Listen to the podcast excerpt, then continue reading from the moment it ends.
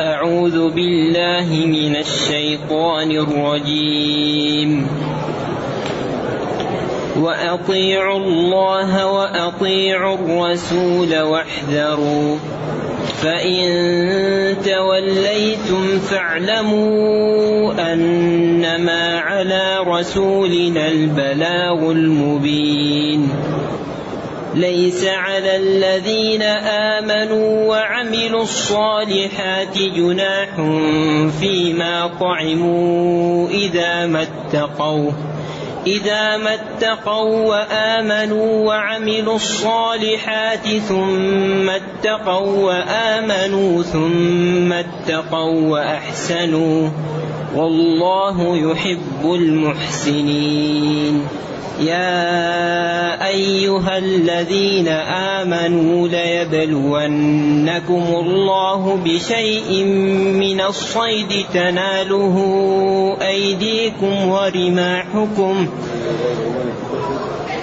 تناله أيديكم ورماحكم ليعلم الله من يخافه بالغيب فمن اعتدى بعد ذلك فله عذاب أليم. يا أيها الذين آمنوا لا تقتلوا الصيد وأنتم حرم ومن قتله منكم متعمدا فجزاء مثل ما فجزاء مثل ما ما قتل من النعم يحكم به ذوى عدل منكم هديا هديا بالغ الكعبة أو كفارة طعام مسكين. مساكين. أو كفارة طعام مسكين. مساكين. أو أو كفارة طعام مساكين أو عدل أو عدل ذلك صياما ليذوق وبال أمره. عفى الله عما سلف ومن عاد فينتقم الله منه. والله عزيز ذو انتقام. أحل لكم أحل لكم صيد البحر وطعامه متاعا لكم وللسيارة. وحرم عليكم صيد البر ما دمتم حرما. واتقوا الله الذي إليه تحشرون. الحمد لله.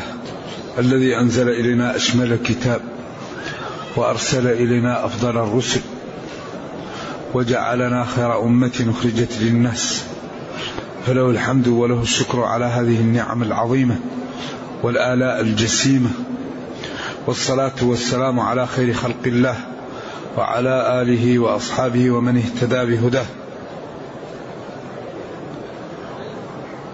أما بعد فإن الله جل وعلا يقول وأطيعوا الله وأطيعوا الرسول. وهذا سبق بالأمس أن نبهنا على وجوب طاعة الله وطاعة رسوله وأن طاعة الرسول طاعة لله. وأن هذا الأمر للوجوب. واحذروا مخالفة الأوامر وارتكاب النواهي. فإن توليتم أعرضتم.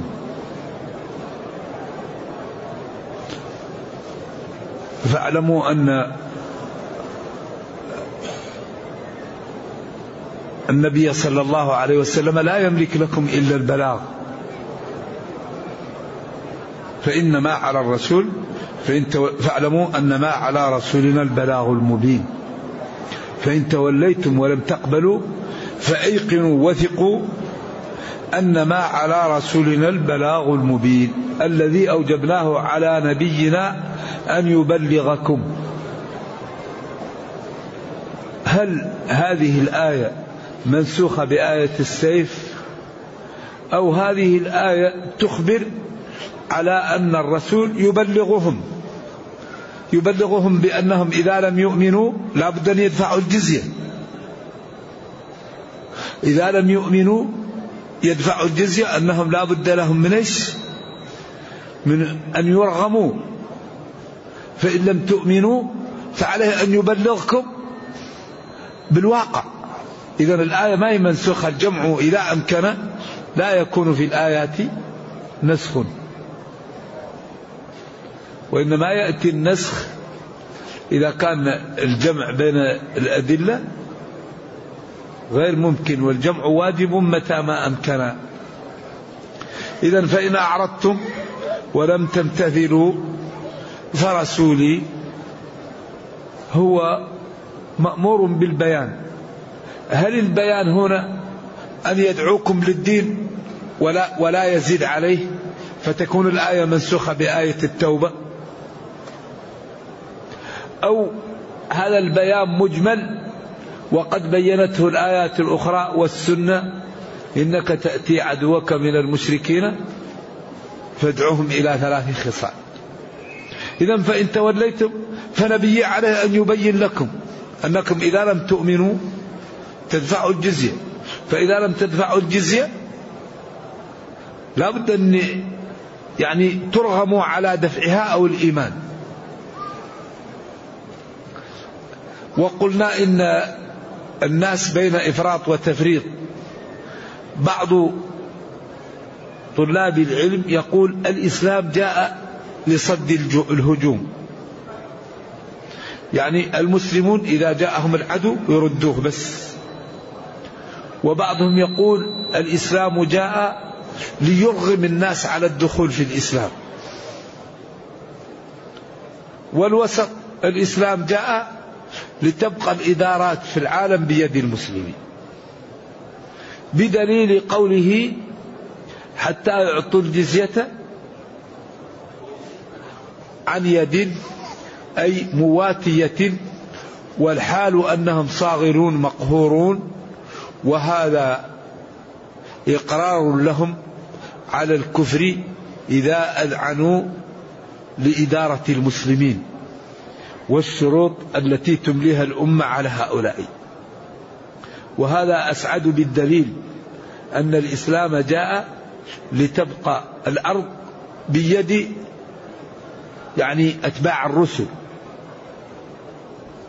ويحكمون فيهم شرع الله ويظهرون لهم جمال هذا الدين وحسنه ولكن لا يرغم أحد على الدخول في الإسلام كما أنه لا يسمح لأحد بالخروج من الإسلام. لكن قبل أن تدخل يعني لا تدخل إلا بعد أن تقتنع. فإذا اقتنعت بالإسلام ودخلت فيه الإسلام لا يسمح لأصحابه بالخروج منه. من بدل دينه فاقتلوه. إذا هذا الإسلام الحقيقة هو الذي يصلح البشرية وهو الذي يعني يزيل الظلم ويزيل الضياع ويأتي بالسعادة في الدنيا والسعادة في الأخرى. ولذلك القوانين الوضعية عاجزة أن تحل مشاكل أهل الأرض. أما ربنا جل وعلا فهو الذي خلق الخلق وتشريعه هو الذي يصلح الخلق. لأنه هو الذي خلق الخلق وهو أعلم بخلقه. أنتم أعلم أم الله؟ لذلك التشريعات الإسلامية هي التي تأتي بالسعادة وهي التي ترجع تردع المجرمين وهي التي تكون العقوبة فيها متجهة إلى جهة الجريمة. أما قوانين الأرض قوانين الوضعية فهي عاجزة وأصحابها إذا وضعوا قانونا يضعوه قاصرا جائرا ظالما ينظرون فيه إلى مصلحتهم هم. أما قانون السماء قانون الله فهو قائم على العدالة وقائم على يعني النفع. ولذا إذا جاءت الأزمات للعالم يقول الحل في الإسلام. الآن يقول في الاقتصاد الحل في الاقتصاد الإسلامي. الاقتصاد المبني على قوانين وضعية قالوا ثبت عجزه. فكبار يعني أصحاب الاقتصاد الكبار يقولوا ما أمامنا إلا الإسلام. الإسلام هو الحل. يعني النظام المالي الإسلام والاقتصاد الإسلامي هذا الذي يحل المشاكل الآن. لأن الله جل وعلا عليم. وتشريعه مبني على علم. ومبني على كرم. ومبني على رحمة ومبني على تسامح. أما قوانين الوضعيه هي مبنية على جهل وعلى مصالح شخصية وعلى ضيق أفق. فلذلك لا يمكن أن تحل المشاكل وقضايا العالم لا يحلها إلا الإسلام. فلذلك ديننا والحمد لله دين في هذا الوقت الذي كثر فيه العلم وأصبحت الكرة الأرضية كالقرية. ديننا لا توجد فيه جزئية تخالف حقيقة. لا توجد فيه كلمة كذب. لا يوجد فيه أمر إلا وهو نافع. لا يوجد فيه نهي إلا وذلك النهي فعله ضار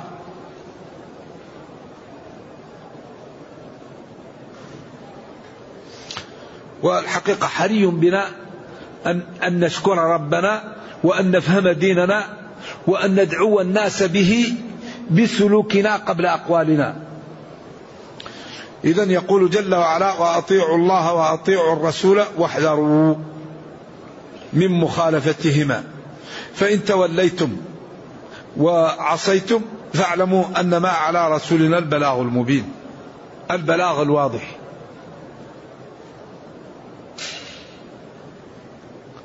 ثم بين أن الذي يأتيه النص ويمتثل أن ما فعله قبل وجود النص لا يؤاخذ به. ليس على الذين آمنوا دخلوا في الإسلام. ليس على الذين آمنوا وعملوا الصالحات. دائما الإيمان لا بد أن يقرن بالعمل لأن الإيمان في القلب والعمل هو الترجمة. والعصر إن الإنسان لفي خسر إلا الذين آمنوا وعملوا الصالحات. ثم رددناه أسفل السافلين إلا الذين آمنوا وعملوا الصالحات. لأن الفعالات الصالحات هي التي تنبئ عن هل الإيمان صحيح أو غير صحيح. لأن الإنسان يقول آمنت بلسانه ويتكلم لكن إذا لم يعمل هذا دليل على أنه غير صادق. إذا يقول ليس على الذين آمنوا من الصحابة الذين وعملوا الصالحات التي كلفت بهم جناح إثم فيما طعموا فيما شربوا من الخمر قبل تحريمها. إذا ما اتقوا والله تعالى فيما بقي وآمنوا بما جاء من الشرع وعملوا الصالحات ثم اتقوا المعاصي وآمنوا بما استجد من الشريعة ثم اتقوا أيضا إما الصغائر وإما يعني الكبائر وأحسنوا في أعمالهم وراقبوا الله والله جل وعلا يحب المحسنين. إذا هذه الآية تبين أن المسلم إذا فعل أمرا وجاء الشرع بتحريمه وفعله قبل أن يحرم لا يعذب ولا يؤاخذ عليه. سواء كان ذلك الأمر صلاة أو شراب أو أي عمل. فالذين صلوا إلى جهة بيت المقدس الله تعالى يعطيهم تلك الصلاة لأنهم قالوا كيف بإخواننا الذين كانوا يتجهون إلى بيت المقدس؟ قال تعالى وما كان الله ليضيع إيمانكم. أي صلاتكم. وهنا قال ليس على الذين آمنوا وعملوا الصالحات جناح إثم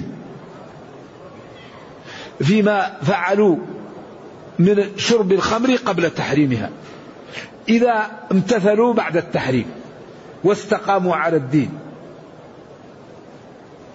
وقد قال تعالى وما كان الله ليضل قوما بعد إذ هداهم حتى يبين لهم ما يتقون. وقال رسلا مبشرين ومنذرين لئلا يكون للناس على الله حجة بعد الرسل.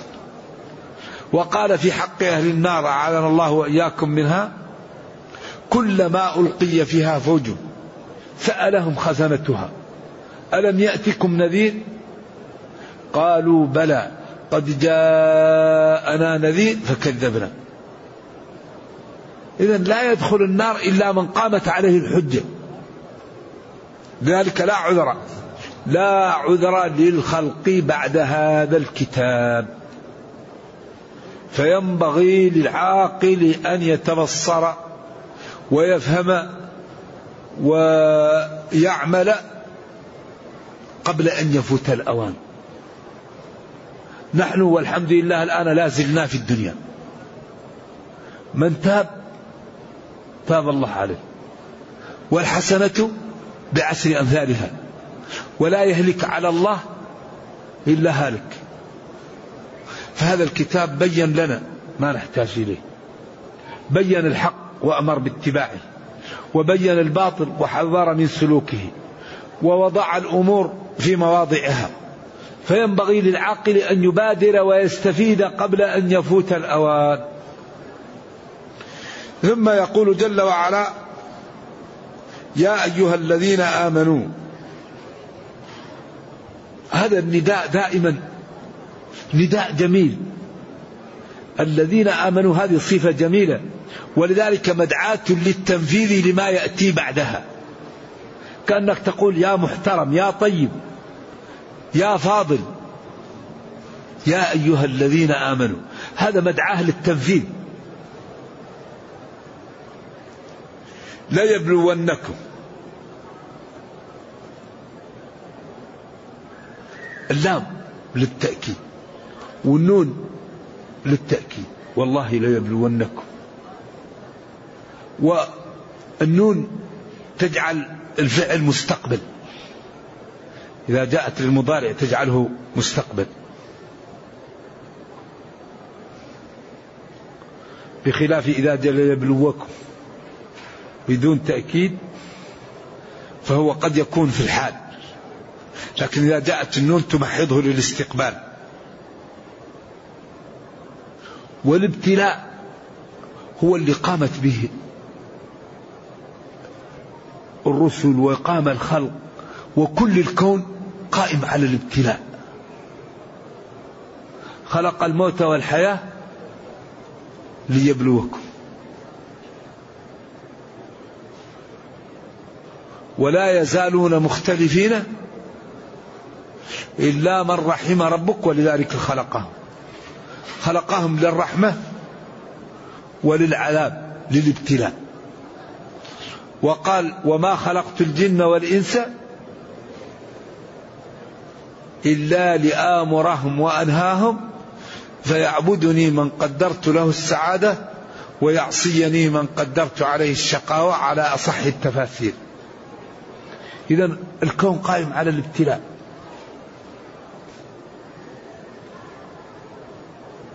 فذلك ينبغي للعاقل أن يتنبه حتى ينجو. وإبراهيم عليه وعلى نبينا الصلاة والسلام لما كبر ابنه وأصبح يساعده في بناء البيت قال له ربه اذبح الولد. ولد وحيد وهو كبير في السن. كيف نذبحه؟ بعدين إبراهيم سلم وأخذ الولد.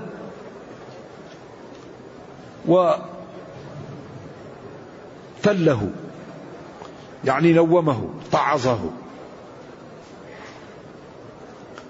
وأخذ السكين يريد أن يذبحه. فلما أسلم قال يا بني إني أرى في المنام أني أذبحك ورؤيا الأنبياء وحي. قال له يا أبت افعل ما تؤمر ستجدني إن شاء الله من الصابرين. فلما اسلما الولد والأب وتله يعني نومه على خده على الجبين وأخذ السكين يريد أن يذبحه. ناديناه أن يا إبراهيم إن كما أعطيناك وجزيناك نجزي المحسنين الذين يمتثلون أوامرنا ويجتنبون نواهينا. ثم قال في نهاية المقطع إن هذا لهو البلاء المبين. إن هذا لهو البلاء المبين. ونبلوكم بالشر والخير فتنة لتبلون إذا ما هو معقول الجنة؟ لا بد الإنسان يبتلى.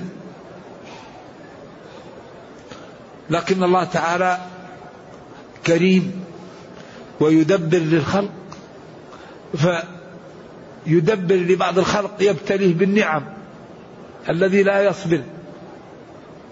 والذي يصبر يزيد. ولذلك أشدكم بلاء النبيون فالأمثل فالأمثل. رحمة بالخلق. ولذلك هذه الابتلاءات من عنده ذنوب تكفرها عنه. ومن ليست له ذنوب ترفع درجته. هل الابتلاء في الدنيا يوم القيامة يتمنى الذين لم يصلهم شيء لو وصلهم شيء لما يروا لهؤلاء من الكرامة. من أخذ بصره؟ كم له من الأجر؟ من أخذ عضو منه؟ من وقع له شيء؟ حتى الشوكة يشاكها. عجبا للمؤمن. أمره كله خير.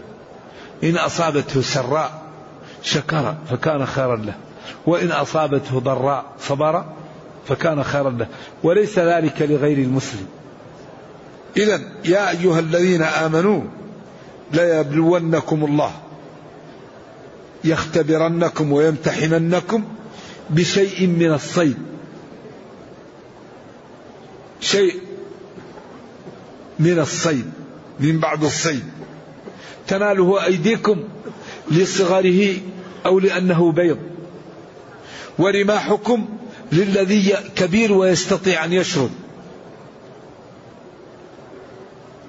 ليعلم الله علما تقوم به الحجة أي ظاهرا للأعيان من يخافه في غيبته عن الناس أو من يخافه فيما غاب عنه من أمر الدين. لأن الغيب هنا محتمل في كونه لا يراه الناس أو في يخافه في الأمور التي أخبر عنها ولم يرها غابت عنه. إذا هذا البصر ابتلاء وهذا السمع ابتلاء وهذا اللسان الذي يبين لك ويبين لك ما يجيش في صدرك ابتلاء. وهذه اليد وهذه الرجل هذه ابتلاءات هذه هذه نعم للابتلاء. للاختبار. هل الإنسان ينظر فيما أحل الله له أو ينظر فيما حرم عليه؟ هل الإنسان يسمع ما أباح الله له أو يسمع ما حرم عليه؟ هل الإنسان ينطق باللسان بما فيه له النفع أو فيما عليه فيه الإثم؟ هل الرجل يمشي بها إلى ما ينفع أو إلى ما يضر؟ إذا كلها ابتلاءات. ولذلك امتن الله علينا بموارد العلم وأخبر أنه أعطانا إياها لنشكره. فقال جل وعلا والله أخرجكم من بطون أمهاتكم لا تعلمون شيئا وجعل لكم السمع والأبصار والأفئدة لعلكم تشكرون. أعطاك موارد العلم لتشكر الله بها وتستعملها في طاعة الله. اختبار ابتلاء. إذا يا أيها الذين آمنوا لا يختبرنكم أو لا يبلونكم لأن الابتلاء هو الاختبار والامتحان. وقد يقال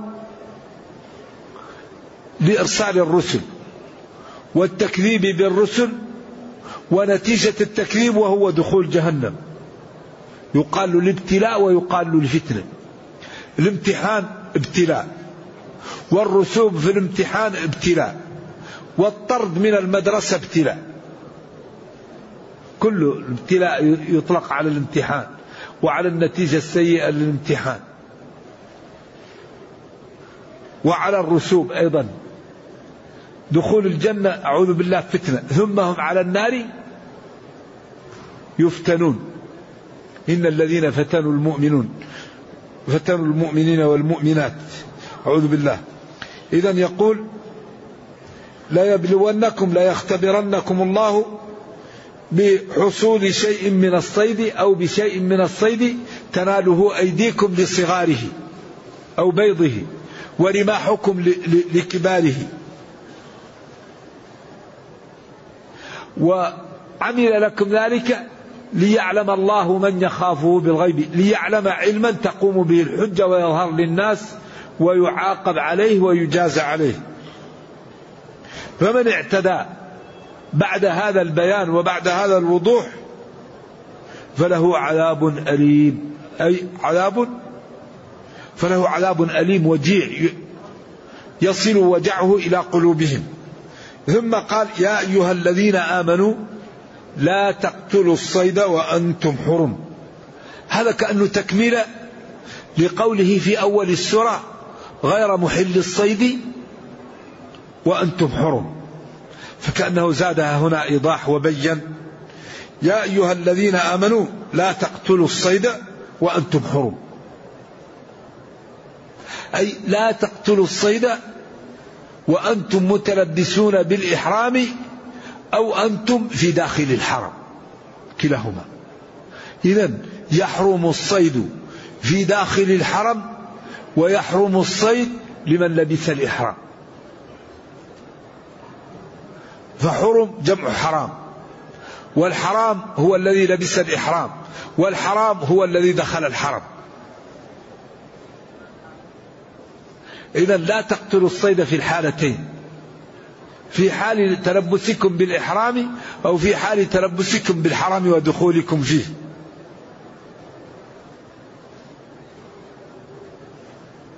ومن قتله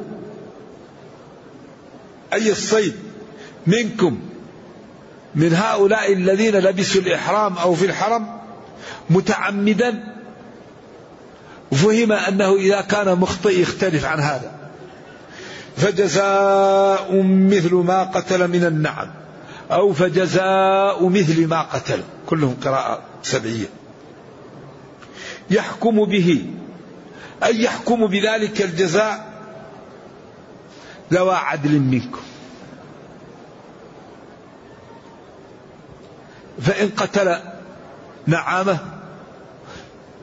يأتوا عدول ويقرروا أنها تساوي بدنه. وإن قتل غزالة تساوي معزة وإن قتل وعلا يساوي كبشا. وإن قتل حمامة في الحرم أو تساوي شاة. قالوا لأنها تعب والشاة تعب. وقيل الحمامة في غير الحرم فيها حكومة فيها يعني شيء يعطى. ولهم خلاف طويل عريض في ما الذي يلزم الذي يقتل.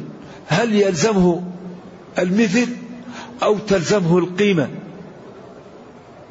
فيلزمه مثل من النعم. فإن كان لا مثل له من النعم يقدر بالقيمة ويشترى الطعام ويوزع الثمن على كل واحد صاع أو نصف صاع صاع من الشعير أو من التمر ونصف صاع من البر الجيد. أما الهدي فلا خلاف أنه لأهل مكة هديا بالغ الكعبة. أي لأهل مكة لأهل الحرم. والإطعام الجمهور قال أيضا لمكة. أما الصوم ففي أي محل. ويصوم إن لم يجد عن كل مد يوما. يقوم الشاه أو البقرة أو البدنة. الصيد يقومه فإن وجد مثله من النعم يعني ذبح بدله في مكة.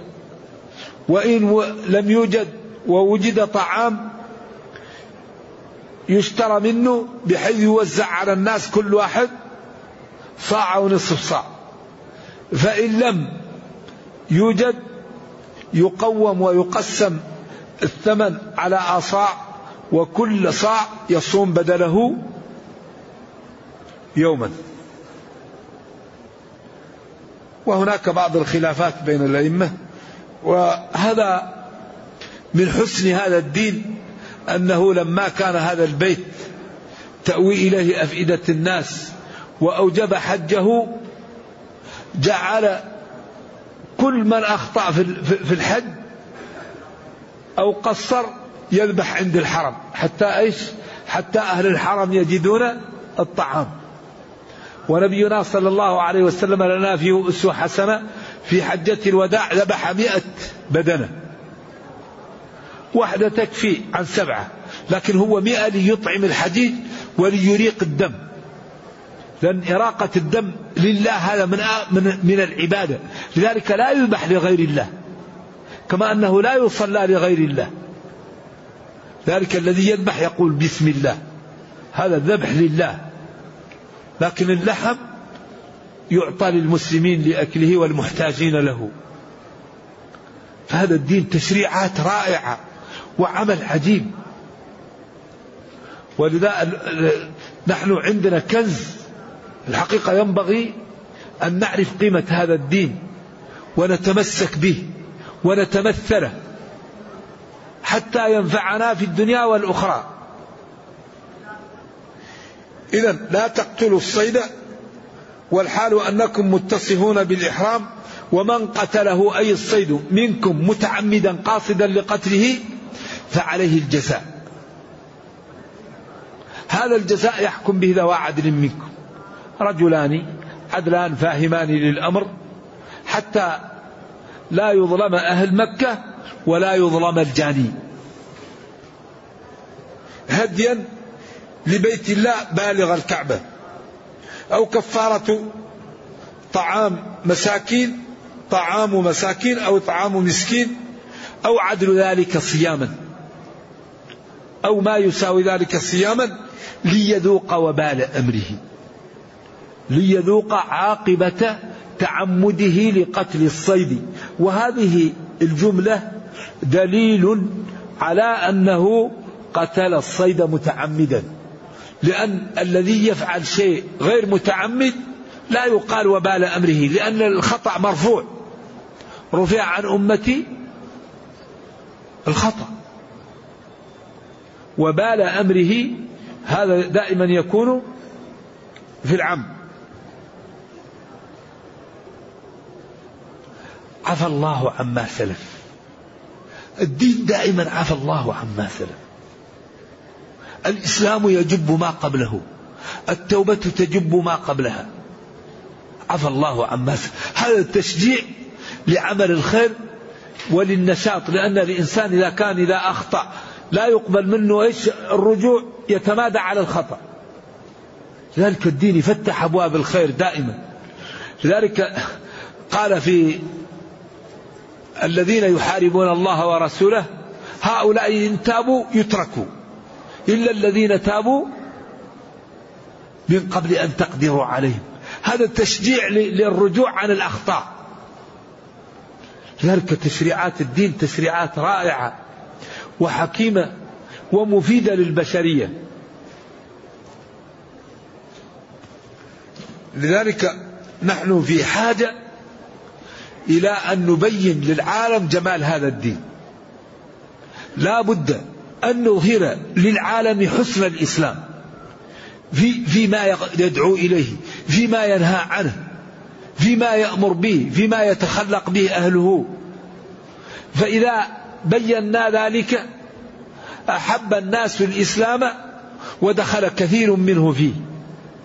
وبالأخص في هذا الزمن يكون ذلك بالقنوات وبالمجلات وبالجرائد.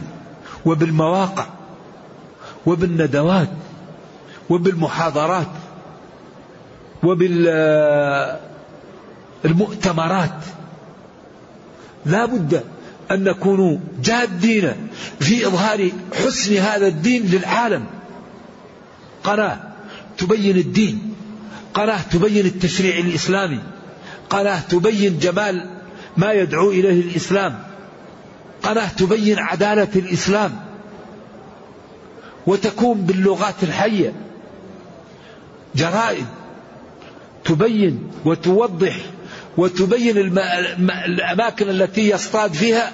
مع الأسف بعض المسلمين الذين يقولون كيف الرجل يكون ميراثه أكثر من المرأة؟ ما رأيكم في من يقول هذا؟ يقول هذا ظلم المرأة كيف الرجل يكون ميراثه أكثر من ميراث المرأة؟ الذي يقول هذا ما حكمه؟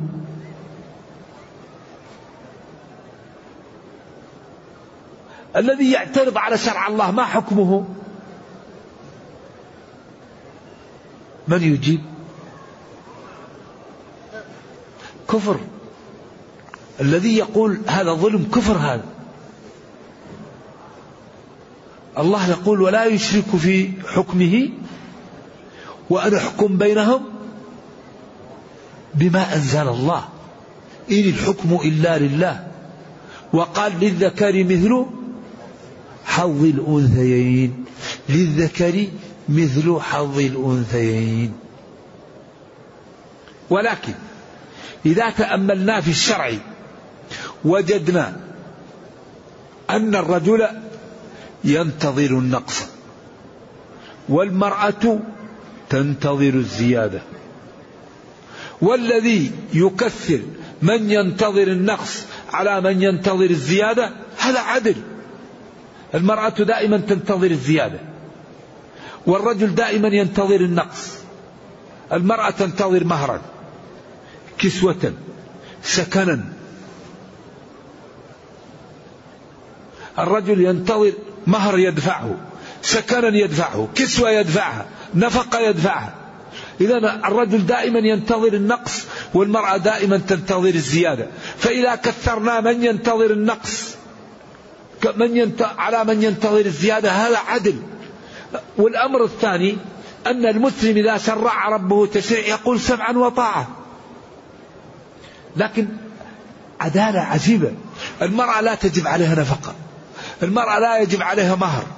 المرأة لا تجب عليها أجرة بيت. بس تجلس في البيت.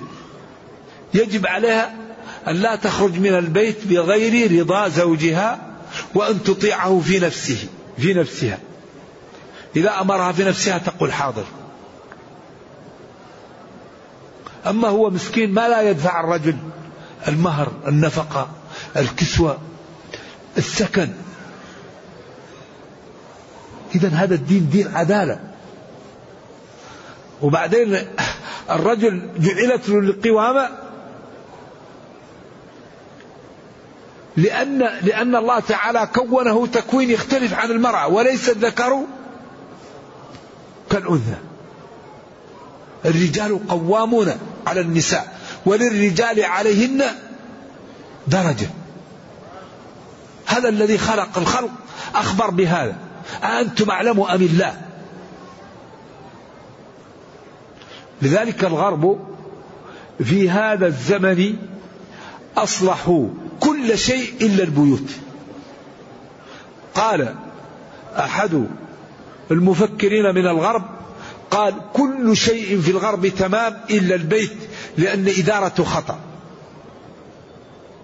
قالوا الإدارة في الغرب خطأ. لأن ما في قوامة لكن في المكتب في قوامة. في القطار في الطائرة في المطارات في المصانع. لكن في البيت ما في قوامة تجد البيت ضايع. الإسلام حل قال وللرجال عليهن درجة قال وبما أنفقوا من أموالهم أخذ منها قليل وعوضها كثير ما عليها جماعة ما عليها جموعة ما عليها جهاد. لذلك أحسن شيء تشتغل فيه المرأة هو الإنجاب.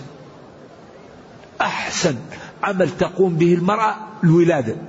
تلد لنا تلد لنا علماء تلد لنا أتقياء تلد لنا مفكرين تجد لنا صالحات قانتات حافظات للغيب بما حفظ الله. ولذلك لا يوجد شيء أقوى للشعوب مما لا من كثرة الأنفس. أقوى قوة للبلد أن يكون أفراده كثيرين. لأنه إذا كثر الأفراد كثر العقل وكثر الإنتاج وكثرت المصانع فأصبح البلد قوي. وليست الصين ببعيدة عنا. الآن ما هي الآن أكبر دولة. الصين هي أكثر الدول نمو. لماذا؟ لكثرة الأفراد. والله هو الرزاق. الذي يقول أنا لا أنجب أخاف من, من عدم الرزق هذا جاهل. وما من دابة في الأرض إلا على الله رزقها. وكل ما كثر الخلق كل ما كثر الرزق لأن الله يرزق الجميع. فلذلك يعني دين الإسلام دين رائع. بس مع الأسف تجد نابتة تتكلم كلام خطير في الجرائد وفي المجلات وفي بعض القنوات. هذا خطير. ولذلك لا بد للفضلاء العقلاء الذين الله أعطاهم إمكانية أن يكون بينهم تعاون لإظهار للناس جمال هذا الدين. لا بد أن نظهر للناس حسن هذا الدين وجماله ب ب ب بما أعطانا الله. ثم قال جل وعلا ومن عاد فينتقم الله منه.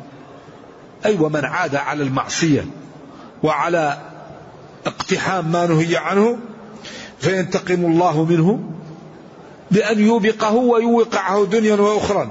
والله عزيز غالب صاحب انتقام إن أراد الانتقام. إذا أمر ونهى ولم ينفذ أمره إذا أوقع إن بطش ربك لشديد وكذلك أخذ ربك إذا أخذ القرى وهي ظالمة إن أخذه أليم شديد. إن الله لا يملي للظالم حتى إذا أخذه لم يفلت. لذلك لا بد من الخوف من الله. لا بد من التباعد عن النواهي. النواهي مشكلة. ما نهيتكم عنه. فاجتنبوه لأن النهي كف. وما أمرتكم به فأتوا منه ما استطعتم. أحل لكم صيد البحر وطعامه سواء محرمين أو غير محرمين. صيد البحر وطعامه متاعا لكم. متاعا لكم أيها المقيمون وللسيارة المسافرون يحملونه معهم. وحرم عليكم صيد البر ما دمتم حرما ما دمتم في الحرم أو في الإحرام. وهذا ثقة للجملة لأن هذا هو المركز عليه في الآيات. وحرم عليكم صيد البر ما دمتم حرما. الذي يعيش في البر أكثر مما يعيش في البحر ويتولد خارج البحر هذا يقال له البري وحرم عليكم ما دمتم متصفين بالإحرام أو متصفين بالبقاء داخل الحرم.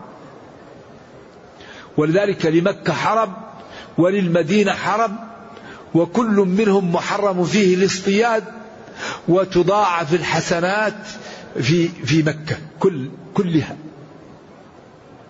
الصلاة في مكة في الحرم كله مضاعفة لأن كل الحرم يقال له يقال له بيت الله. ولذلك قال هديا بالغ الكعبة. سبحان الذي أسرى بعبده ليلا من المسجد الحرام. ولكن الغنم بالغرم. فمكة المخالفة فيها خطيرة جدا. قال تعالى ومن يرد فيه بإلحاد بظلم نذقه من عذاب أليم.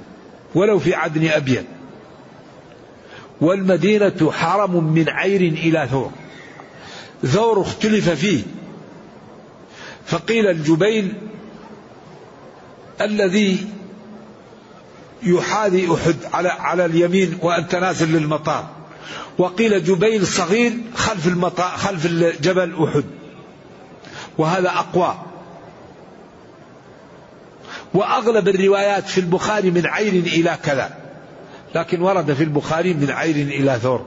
لعن الله من أحدث فيها حدثا أو آوى محدثا فعليه لعنة الله والملائكة والناس أجمعين. لا يقبل الله منه صرفا ولا عدلا. من أراد أهل المدينة بسوء ماع كما يماع الملح في الماء.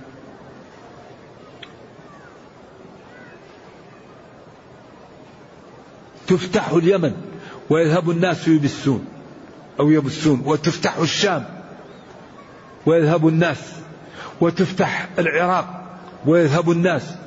ثم قال والمدينة خير لهم لو كانوا يعلمون. من استطاع أن يموت بالمدينة فليمت. من صبر على لأوائها كنت له شهيدا أو شفيعا يوم القيامة. فلذلك من أكرمه الله بالمدينة فليشكر هذه النعمة وليتأدب بالآداب الشرعية وليعلم أن الذي يحدث في المدينة ملعون. لعن الله من أحدث فيها. قال العلماء الحدث هو اتصاف الإنسان بالكبيرة. الحدث أن يكون الإنسان ملابس لكبيرة. هذا هو الحدث. عياذا بالله يعمل الفاحشة يشرب الخمر. يعني يكون متلبس بكبيرة هذا هو الحدث. ذلك الحقيقة من أكبر النعم أن يكون المسلم يسكن في بلد نبينا صلى الله عليه وسلم يعني رغب في السكنى فيه. فهذه نعمة عظيمة ينبغي أن تقدر وتشكر وأن العبد يخاف. والمدينة تنفي خبثها. كما ينفي الكيلو خبث الحديد. الإنسان إذا كان في المدينة وكان غير مستقيم الله يبعده عن المدينة. والشخص إذا كان مستقيم الله يهيئه للمدينة. الإيمان يأرز إلى المدينة.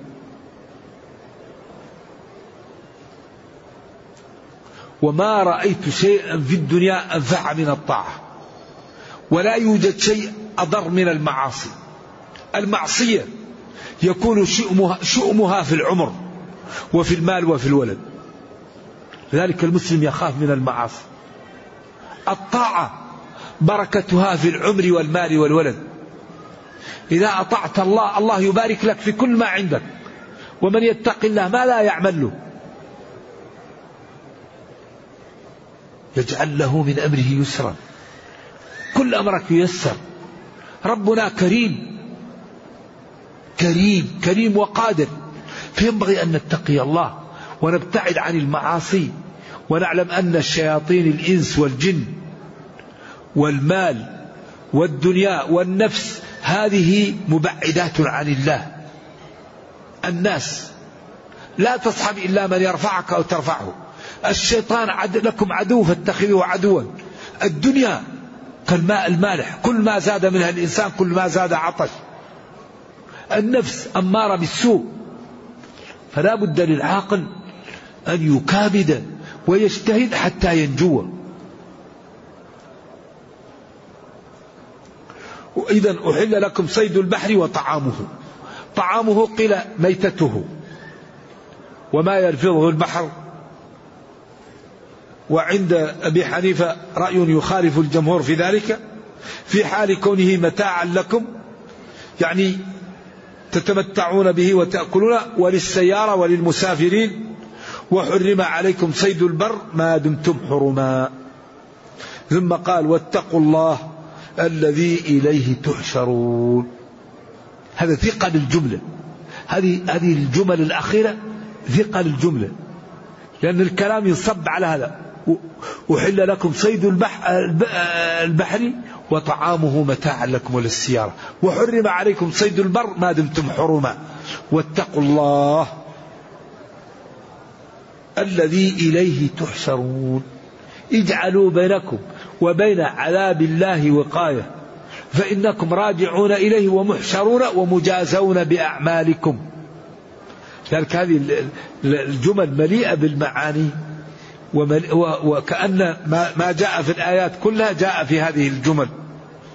نرجو الله جل وعلا أن يجعلنا وإياكم من المتقين وأن يرينا الحق حقا ويرزقنا اتباعه وأن يرينا الباطل باطلا ويرزقنا اجتنابه وأن لا يجعل الأمر ملتبسا علينا فنضل. اللهم أصلح لنا ديننا الذي هو عصمة أمرنا وأصلح لنا دنيانا التي فيها معاشنا وأصلح لنا آخرتنا التي إليها معادنا واجعل الحياة زيادة لنا في كل خير والموت راحة لنا من كل شر. اللهم اغفر لنا ذنوبنا كلها دقها وجلها أولها وآخرها علانيتها وسرها. اللهم إنا نسألك السلامة من كل إثم والغنيمة من كل بر والفوز بالجنة والنجاة من النار. سبحان ربك رب العزة عما يصفون وسلام على المرسلين والحمد لله رب العالمين. والسلام عليكم ورحمة الله وبركاته.